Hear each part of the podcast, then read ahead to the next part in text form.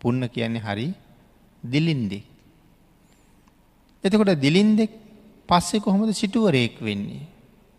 කියන කාරණාවත් සාකච්ඡා කරන්න ටිකක් වටිනවා. මේ පුන්න කියන දිලින්දා සුමන කියන සිටුවරය ළඟ බැල මෙහෙවරකං කරන කෙනෙක්. ඒ කාලේ මිනිස්සු මේ නැකත් කෙලිය කියලා විනෝද වෙන කාල පරිච්චේදයක් තිබුණා. වසරකට වතාවක් මිනිස්සු විනෝද වෙන්ඩ යොදාගන්න කාල පරිච්චේදයක්. දවස් හතක විතර කාලයක් මෙනැකත් ක්‍රීඩා තියෙනවා. රජ්ජුරුවන්ගේ නියෝගයෙන් අඩබෙර යැවීමෙන් ඒ කාරණාව ප්‍රචලිත වෙනවා. දැ මේ රජගහනුවරත් නැකත් කෙලිය ආරම්භ වෙනවා කියලා රාජ නියෝගයෙන් අඩ බෙරයව්වා.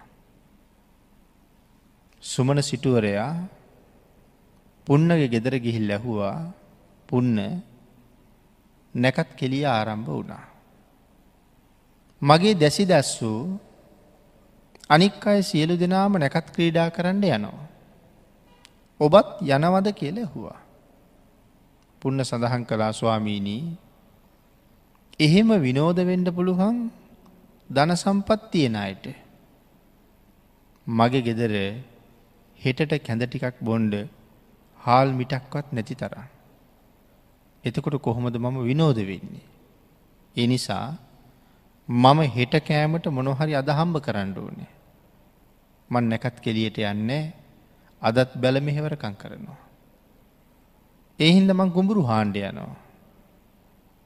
සුමන සිටුවරයා පුන්නට ගවය දුන්නා එන ගිහිල් හාණ්ඩ කියලා.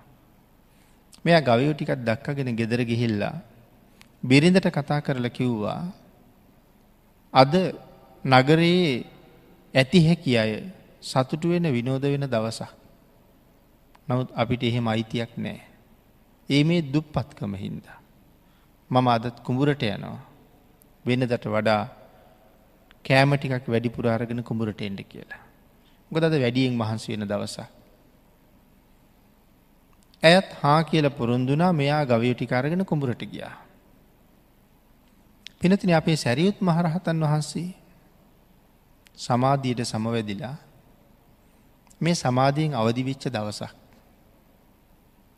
සාමාන්‍යෙන් මහරහතන් වහන්සේලා සමාධීෙන් අවදිවෙච්ච හම ලෝකයා කෙරෙහි බොහෝම අනුකම්පාවෙන් බලනවා.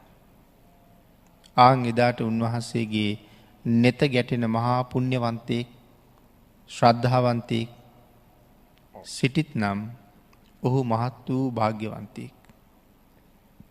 ආං ඒ අයට පිහිට වෙන්ඩ උන්වහන්සේලා එදාට තීරණය කරනවා. සාමාන්‍යයෙන් දවස් හතක් විතර මේ නිරෝධ සමාපත්තියට සමවැදුන හම අවදි වෙන්නේ නෑ. නිරෝධ සමාපත්ති සුවයම උන්වහස බුක්ති විඳිනවා. එතකොට ආහාරපාන ආහාරපාන ශරීරක් කෘත්තිය කිසි දෙයක් කිසි දෙයක් මේ දින කීපය තුළ නෑ.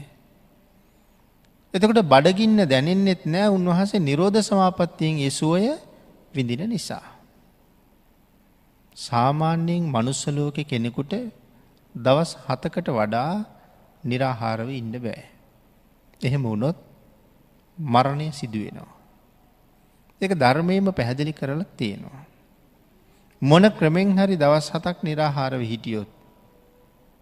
අටවෙනි දවසේ එයාට මේ ලෝකෙ තියෙන ඉතාම පෝෂණී ආහාර ගෙනල්ල දීලවත් එයා සුවපත් කරන්න පුළුවන්කමක් නෑ. එකට උදාහරණයක් සඳහන් කරනෝ මෙහෙම. නෙලුම් පෙති ටිකක් අරගෙන ගිහිල්ලා අපි උදේට දානවා ගලක් උඩ. දවල් තිස්සෙම අව්වට වේල්ලා වේලිලා ඒ නෙලුම් පෙතිවලට හැන්දෑවගෙන හිල්ලා වතුර කළ ගෙඩි සීයක් වැැක්කෙරුවත්. උදේ ගෙනත් දාපු මට්ටමට ගණ්ඩ ගණ්ඩ බෑ වගේ තමයි මේ හද්දවසක්ම නිරාහාරව හිටපු පුද්ගලයා අය ප්‍රකෘතියට පත් කරන්න බැහැ කියන කාරණාවම සඳහන් කරනවා. එතකොට දැන් රහතන් වහන්සේත් දින හතක්ම නිරාහාරෝ වැඩ ඉන්නවා.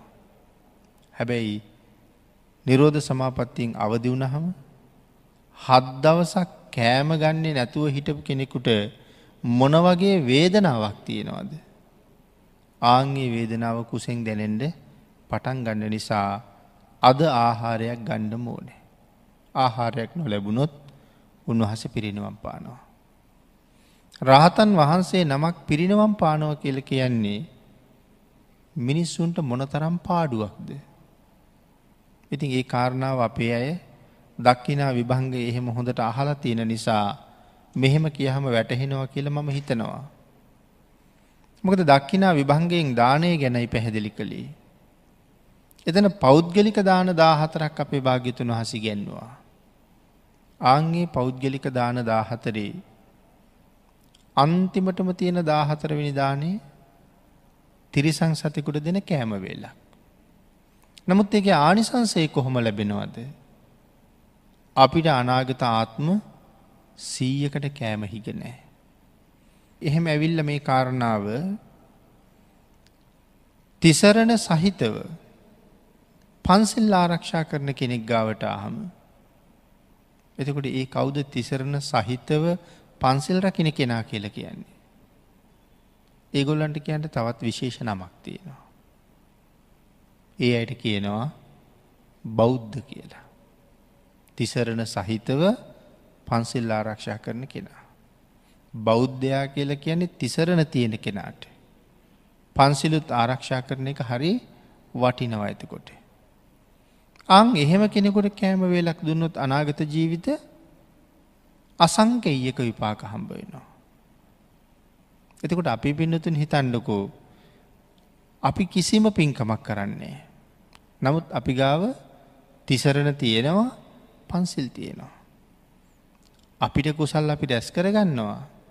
අපි කිමු අපි සමාජයේ සුභසිද්ධිය උදෙසා මොකොවත්ම කරන්නේ නෑ.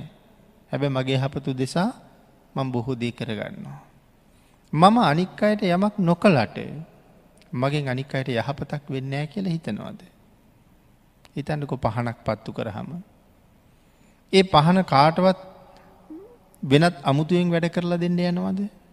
පහන දැල් වෙනවා. නමුත් ඒ යාලෝකෙන් තව කී දෙනෙක් වැඩ ගන්නවාද. සිල්පුරණ ගුණපුරණ උත්තමයෙක් ඇසුරු කරගෙන තව කී දෙනෙකුට යහපතක් සිද්ධ වෙනවාද. අපේ ශාසනයේ අපූරු ප්‍රතිපදාවක් තියෙනවා. ඒක මෙහෙම කියන්නත් පුළුවන්. ස්වාර්ථයෙන් පරාර්ථයට යන්න පුළුවන් අපූරු වැඩ පිළිවෙල. මොකදද ස්වාර්ථය කියල කීවේතන. මම සිල්රකින්නේ මගේ ළඟ ඉන්න කෙනාගේ යහපත උදෙසා නෙමෙයි මගේ සුභ සිද්ධිය උදෙසා. හැබැයි ළඟ ඉන්න කෙනා මට ආහාරද දෙන්නේ මට වස්ත්‍රද දෙන්නේ මට පැන්ද දෙන්නේ මට බේත් හේත්ද දෙන්නේ ඔහුට මොනතරං යහපතක් වෙනවාද. එනම් කෙනෙක් සිල්ගුණ මත පිහිටනකොට ඔහුට උපකාර කරන අනික් අයට කොයි තරං යහපතක් වෙනවාද. එහෙමනම් තිසරණ සහිතව පන්සිල් ආරක්ෂා කරන කෙනෙකුට කෑමවේලක් දුන්නොත් දුන්න කෙනාට අනාගත ජීවිත අසංකයක ආහාර පාන හිග නෑ කියලා දේශනා කළා. කොහේ අතර මං වුනත් ඔහුට කෑම ලැබෙනවා. එතකොට සෝවාන් ආර්ය ශ්‍රාවකයන් වහන්සේගේ ඉඳලා ඉහලට යමෙක් දංවේලක් දෙනවනං ඒකේ ආනිසන්සේ සීමාවක් සීමාවක් නෑ. එතකොට මේ මහරහතන් වහන්සේ තව ටික කාලයක් හරි මේ ජන සමාජයේ වැඩ ඉන්නවනං උන්වහන්සේට දංවේලක් පිළිගන්වන පිළිගන්වන දායකයන්ට කොයි තරං යහපතක් වෙනවද. ආං ඒකයි මං කිවේ එවන් උත්තමයන් වහන්සේ නමක් අකාලී පිරිනුවම් පානික මුළු සමාජයටම මහලකු හානියක් කියලා. අපිට පාඩුව. නමුත් උන්වහසේ එදාට පිණ්ඩ පාති වඩිනවා. අද දාන ටිකක් ලැබුණොත් ජීවත්වෙනවා නැත්තම් පිරිනිවම් පානවා. ආන්ගේ වඩින්ඩ කලින් තමයි උන්වහන්සේද කරුණාවෙන් බලන්නේ අද කවුරු ගාවට වඩිනවාද කියලා. සසර පෙරපින් ඇති අය උන්වහසල දකිනවා. අං ඒ අය හොයාගෙන වඩිනවා. විශේෂයෙන් දුප්පත් අය හොයාගෙන. මහාකාශප මහරහතන් වහන්සේ එහෙම දුප්පත් අයම හොයාගෙන වඩින බවයි සඳහන් කරන්නේ. දෙවියෝ බොහෝම ප්‍රිය කරන රහතන් වහන්සේ තමක් නමක් තමයි මහාකාශ්‍යප මහරහතන් වහන්සේ. හේතුව සඳහන් කරනවා ඒ කාලී. දෙවිය ලෝක හිටපු දෙවියන්ගෙන් වැඩි පිරිසක් මහාකාශ්‍යප මහරහතන් වහන්සේ නිසා දෙව්ලෝගියපු අය කියලා. ඒ ඇන්නේ මේවාගේම පිහිට වෙලා. එහෙමනම් ඒ අහිංසකෙක් හොයාගෙන වඩින්ඩ එදා බැලුවේ සැරියුත් මහරහතන් වහන්සේ. හැබැ පිනතුන ලොකු වෙනසක් තියෙනවා සැරියුත් මහරහතන් වහන්සේත් අනික් රහතන් වහන්සේලත් අතරේ. භාගිතුන් වහන්සේට නං ඕන තරංකල් නිරාහාරෝ වැඩ ඉන්න පුළුවන්.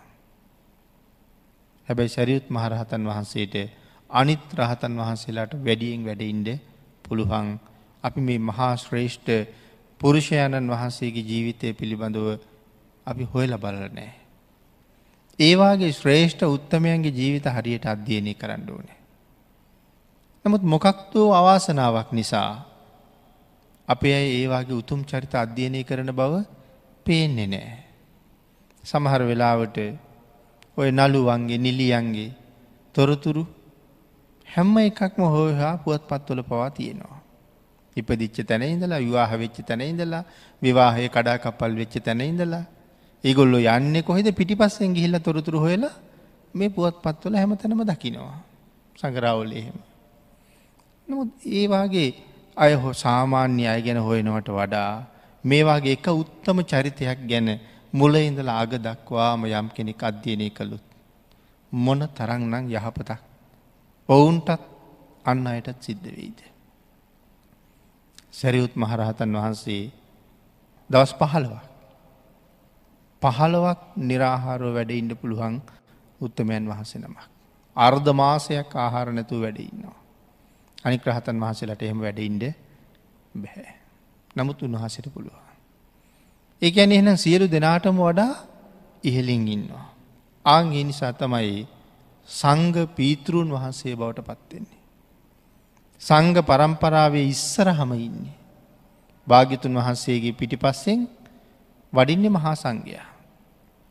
එතකොට බුදුරජාණන් වහන්සේ ඉස්සරහිම්ම වඩිනවා.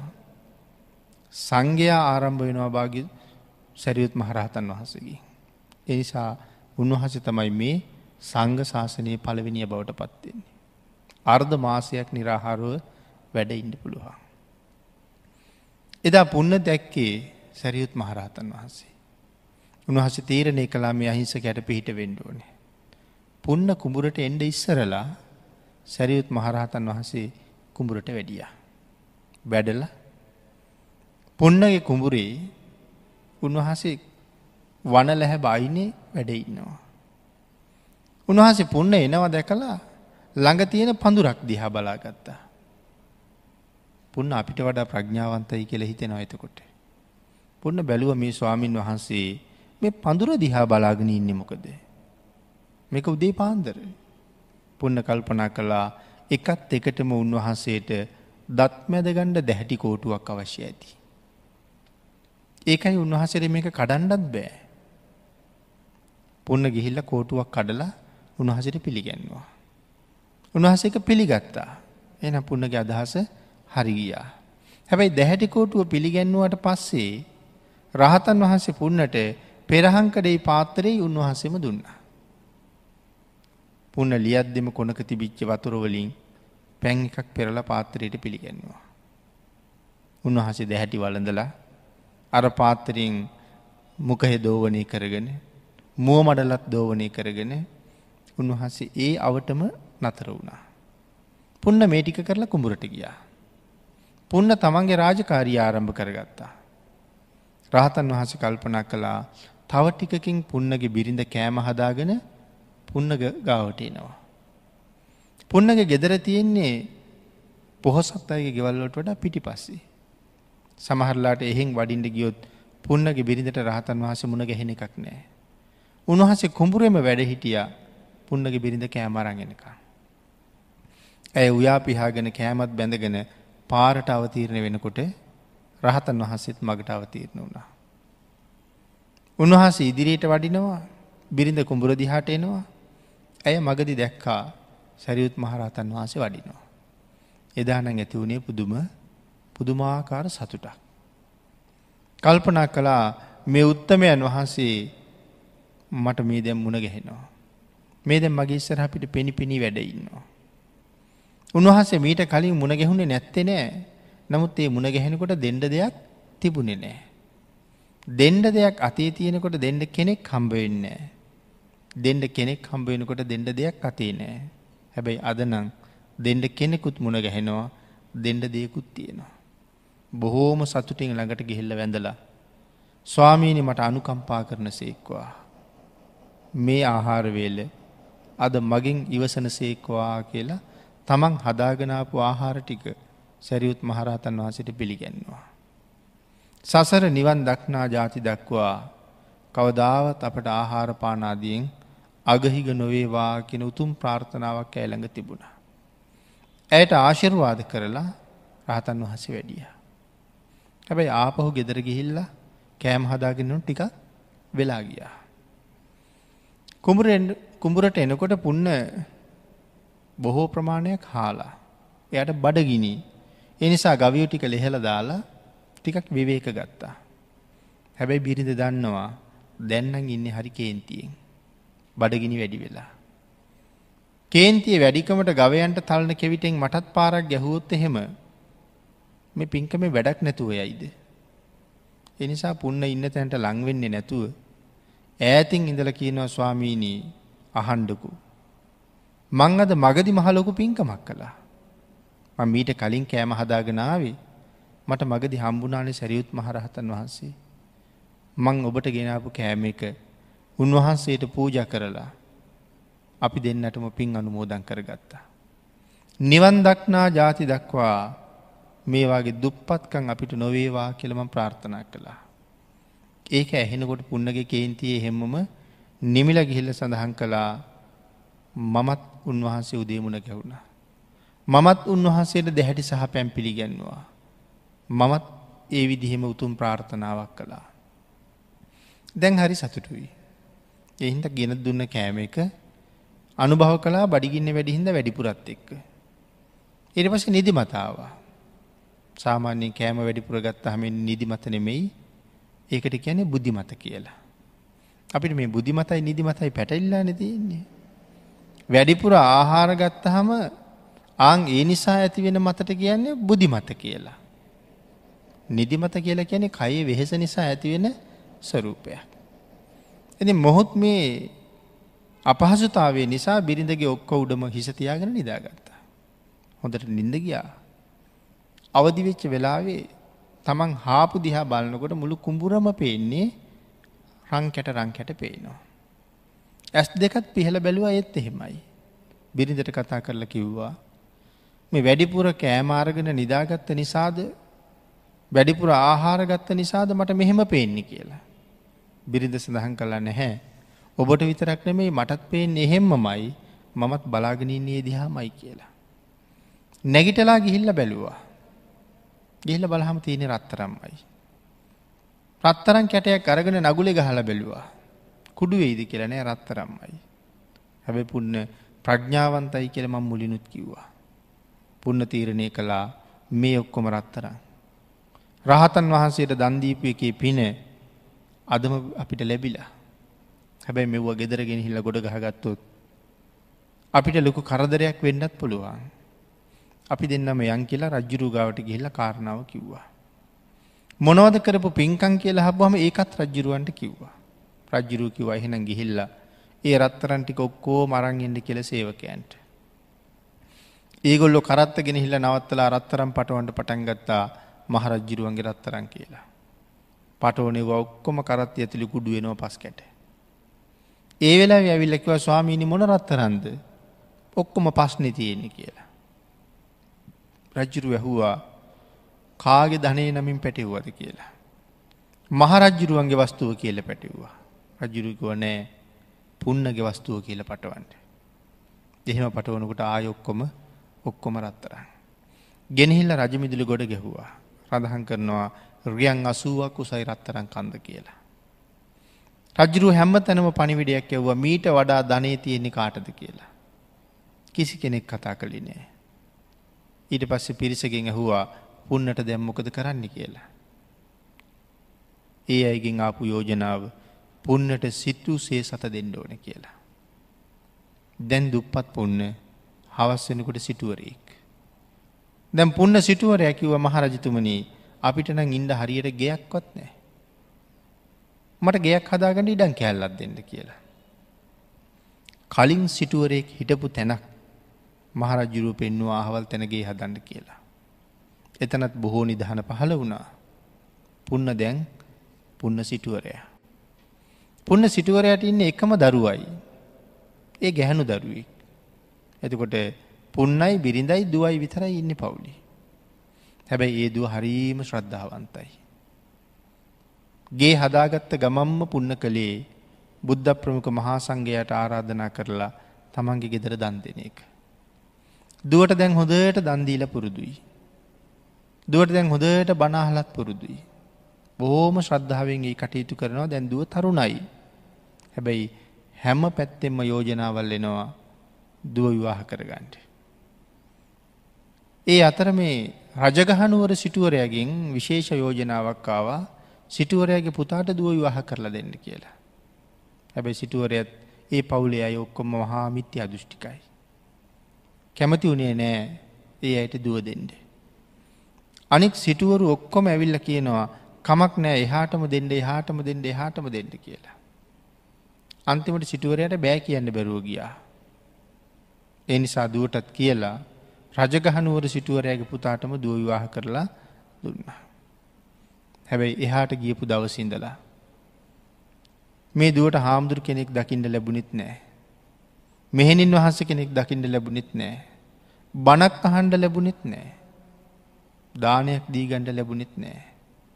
විවාහ උත්සවේ සිද්ධ වෙන්නේ තැසල පෝය දවසි. හරියටම වස් කාලය ආරම්භ වෙන පෝය. දැන් ඇය හිරකාරියක් වාගේ අරගෙදර කිසිම පින්කමක් කර ගණ්ඩනෑ. ඉති සෝවාන් වෙච්ච කෙනෙක් ඒ කෙනෙකුට එහෙම ඉන්ඩත් පෑ. එනිසා අන්තිමට තාතට ලිව්මක් ලිව්වා. මේවාගේ තැනකට මම විවාහ කරලා දුන්නට වඩා හොඳයි තව තැනක දාසකමට දුන්නන කියලා. දැ වස්කාලි වරෙන්ට තියෙන තව දවස් පහළවයි. අන්ගේ හින්දා තාත්තක් බොහොම දුකට පත්වෙලා පුන්න සිටුවරයා කහවනු පාලුස් දාහක් දුවට යව්වා. මේ නගර ඉන්නවා සිරිමක් කියල නගර සෝබිනිය. ඇය තරුණයි ඇය හරීම ලස්සනයි. ඇය එක රාත්‍රියකට පිරිමියෙක් සතුරු කරන්න කහවනු දහසක් ගන්නවා. මේ කහවනු පාලුස් දාහගෙනල්ල ඇයට දෙෙන්ට. තවස්කාරි දවස් පහලවක් තියෙනවන්නේ. ඇයට කියන්න ඔබේ ස්වාමයා සතුටු කරමින් ඒ දවස් පහල ඔබේ ගෙදර ඉන්න කියලා. ඒ දවස් පහළවේ ඔබ පින්කං කරගන්නට. අපිට හිතන්ඩවත් බැරියෝජනා අපිට කරන්න හිතෙන්නෙම නැති දේවල්. නමුත් ඒ මුදල් ලබාගෙන බොහෝම සතුටට පත්වෙච්ච උත්තරා සිරිම හොයන්ඩ ගියා. සිරිම හොයාගෙන කරුණු කාරණා කතා කරලා සිරිමට මුදල් දීලා සිරිමත් එක්කරගෙන ගෙදරාවා. ගෙදර ඇවිල්ල ස්වාමී අමුණ ගැහුණ. ස්වාමියයටත් කරුණු කිව්වා. සිරිම බොහෝම ලස්සනයි. ඒ නිසා ස්වාමයා ගොඩාක් සතුටුනා ඇත් එක පාලොස් දවසක් ඉන්ඩ. ස්වාමයා සිරිමත් එක පහලොස් දවසක් ගත කරන්න සතුටු වෙනකොට උත්තරාට පුදුම සතුටක් ඇති වුණා දවස් පහළුවක් මට තුනුරුවන් එක ඉන්න පුළුවන් කියලා. බාණ්ඩක මේ සම්මාධිට්ටියට ආපු අයගේ සම්මාධිට්ටිය නැති අයගේ වෙනස මේ සාමාන්‍ය අයට කරන්නත් බැරි දේවල් මේ දේවල්. ඇ ඉක්මට ගියා බුදුරජාණන් වහස මුණ ගැහෙන්ඩ. ගිහිල් ආරාධනාවක් කලා ස්වාමීනී සති දෙකක් මට අනුකම්පා කරලා මේ සති දෙකම මගෙන් දං වලදන්ට ඕන කියලා. පිනතන ශ්‍රද්ධාවන්තයාටම යනුකම්පා කරන්නේ. ශ්‍රද්ධාවන්තයාටමයි එළඹෙන්නේ. ශ්‍රද්ධාවන්තයාටමයි පිහිට ලැබෙන්නේ. කියන කාරණාව මනාව ඔප්පු වෙන තැනක්. සති දෙකක් මගින් දංවල දණ්ඩ ස්වාමීණි කියලා ආරාධනා කරනකොට සති දෙකම ඒ ගෙදරින් දං වලදන්ඩ බුදුරජාණන් වහස භාරගත්තා.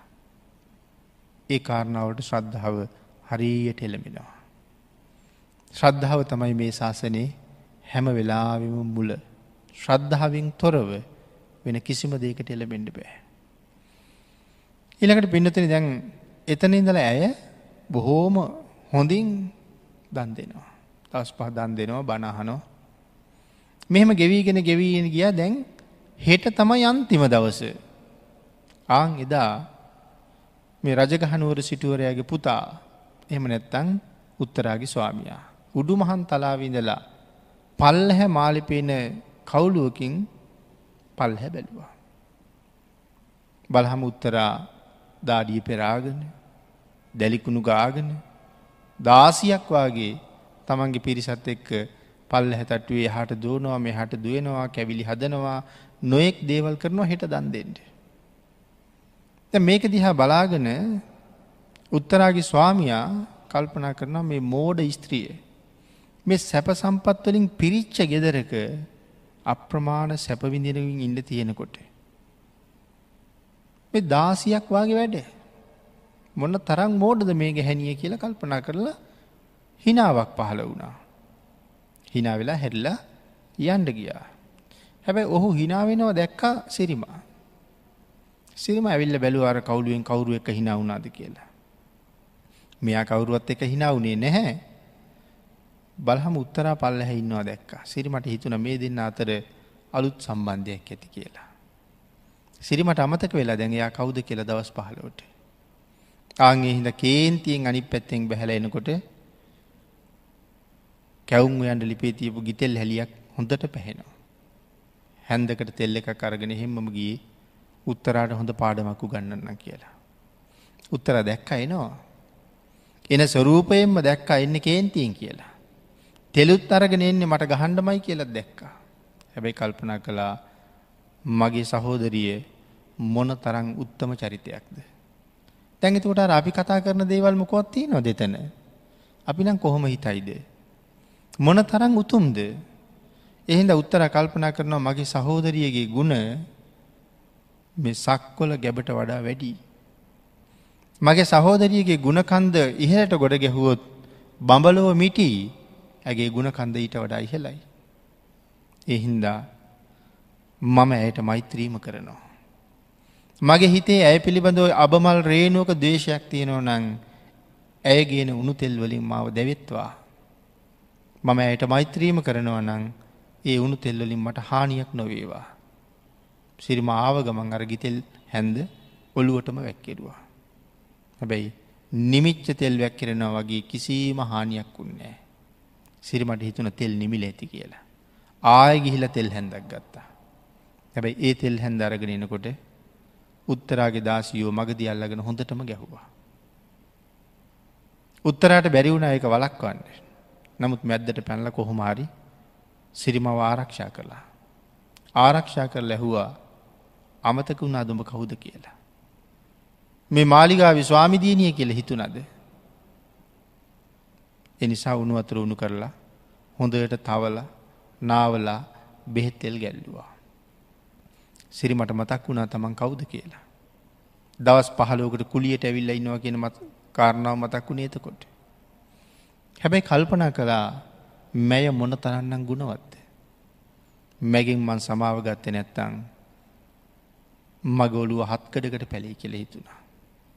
ඒහින්ද වැඳල උත්තරාගෙන් සමාවඉල්ලවා. ආංගේ වෙලා පින්නතුනි උත්තර හරි ලස්සන කතාවක් කිව්වා. සිරිමට කියනවා එහෙලිය මගෙන් සමාව ගත්තට වැඩක් නෑ. ඔබ සමාවගත යුත්තේ මගේ තාත්තකින් කියලා. එවිලයිකිව ඔබේ තාත්තා පුන්න සිටුවරය. එනම පුන්න සිටුවරයගේ සමාවරන්ගෙන්න්න කිව්වා. එල සඳහන් කළ නෑ. පුන්න කියන්නේ කවුද. පුන්න කියන්නේ මගේ සංසාරය දික් කරන තාත්තා.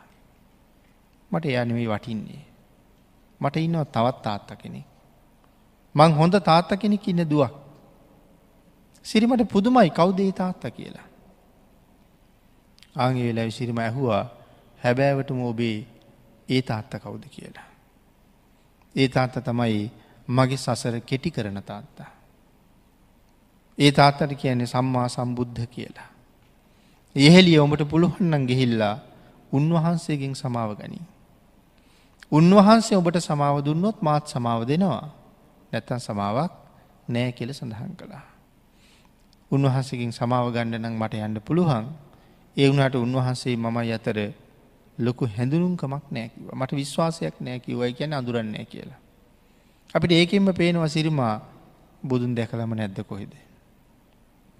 දැකල ඇති නමුත් ඒ මාර්ගයට ඇවිල්ල නෑ. කිව්ව හෙට මන්දානකට ආරාධනා කරලා තියෙනවා හෙට පුළුහන්න මොනමොනව හරි දානට හදාගෙන එන්න කියලා. හැබැ සිරිම ගෙදර ගිහිල්ලා බොහෝ කැවිලි පෙවිලි හදාගෙනවා. ඒ වුණට පිළිගන්නවන්න යන්ට සිරිම බයයි.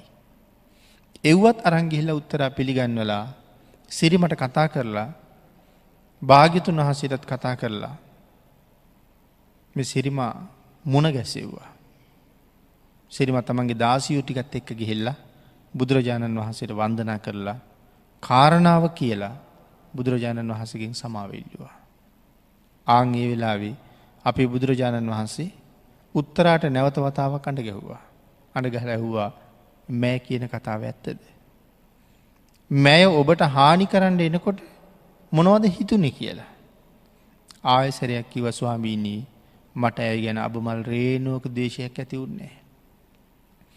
මැය දවස් පහළවක් මගේ ස්වාමයාගේ අඹුව වෙන්ඩ භාරගත්ත නිසා මට වස්කාලය අවසාන දවස් පහළව බණහන්ඩත් ලැබුණා දන් දෙෙන්ඩත් ලැබුණා බුද්ධ ප්‍රමුඛ මහා සංඝයා වන්දනාමාන කරගණ්ඩත් ලැබුණා මට සංසාරය හුඟක් කෙටි කරගණ්ඩ පුළුවන් වුණා මට සංසාරය ලොකූ ජයග්‍රහණයන් හම්බ වුණා ඒ මැය හින්දා. මැ එදා මගේ ඉල්ලීම භාරගත්ත නැත්තං මට මේ පින් කන්ද කොහෙන්ද ස්වාමීණි. මැයම කොච්චර ගුණවද්ද. මට හිතුනෙම මැගේ ගුණ වනන්ඩ මේ සක්වල ගැබ මදි කියලා. මැගේ ගුණ ගොඩගහන්ඩ මේ බඹලුව මිටි කියලා මගේ ගුණ ඊට වඩා උසයි කියලා. ඒ නිසා මං ඒ වෙලාවෙත් ඇයට බොහෝම මෛත්‍රී කලා මොකද ඇගේ උුණු තෙල්වලින් මගේ ජීවිතය හානි වුනත් මම කුසල්වලින් පිරිලයින්නේ. මේ කාරණාව සඳහන් කරහම බුදුරජාණන් වහන්සේ උත්තරා වෙනුවෙන් තුන්වතාවක් සාධකාර පැත්තුවා. ආං එහෙම සාධකාර පවත්තලා තමයි හැබෑම ශ්‍රාවිකාවක් භාගිතුන් වහසක දේශනාවට මනාවම කීකරු වෙච්ච කෙනෙක්. ඒ සාධකාරයෙන් පස්සේ තමයි භාගිතුන් වහන්සේ මේ මේ ගාතාරත්නය දේශනා කොට වදාලේ. අක්කෝදීන ජිනය කෝදං. ක්‍රෝධ කරන්නා දිනන්ඩ හැමෙලාම මෛත්‍රීම පවිච්චි කරන්න. අසාදුම් සාධනාජිනී. ජිනේ කදරියන් දානයන සච්චේ නාලිකවාදිනම්. ගුණ නැත්තවුන් දිනන්ඩ ගුණේම පාවිච්චි කරන්න. ලෝබාය දිනන්ඩ දානයම පාවිච්චි කරන්න. බොරු කියන අය දිනන්ඩ සත්‍යම පාවිච්චි කරන්න. මේ ගාථාරත්නයෙන් අනුශාසනා කරලා ඉවර වෙනකොට. පිනතනි කවුරුවත් හිතයිද සිරිම සෝවන් වෙන්ඩ ඇති කියලා. මේ දේශනාව අවසානයේ වෛශ්‍යාවක් හැටියට හිටපු සිරිමා තමන්ගේ පිරිසත් එක්කම මේ සසර ගමන බොහෝ කෙටි කරගෙන අති උතුම් සෝවාන් ආර්ය මාර්ග පලය මුදා කරගත්තා. සත්පුරුෂයෙක් නිසා සිරිමට සැලසුන යහපත. එයින් උත්තරා කරගත්ත යහපත. මෙන්න මේ ධම්ම පදේ භාගිතුන් වහස දේශනා කෙරුවේ ඔවන් ශ්‍රේෂ්ඨ කාරණාවක් මුල් කරගෙන.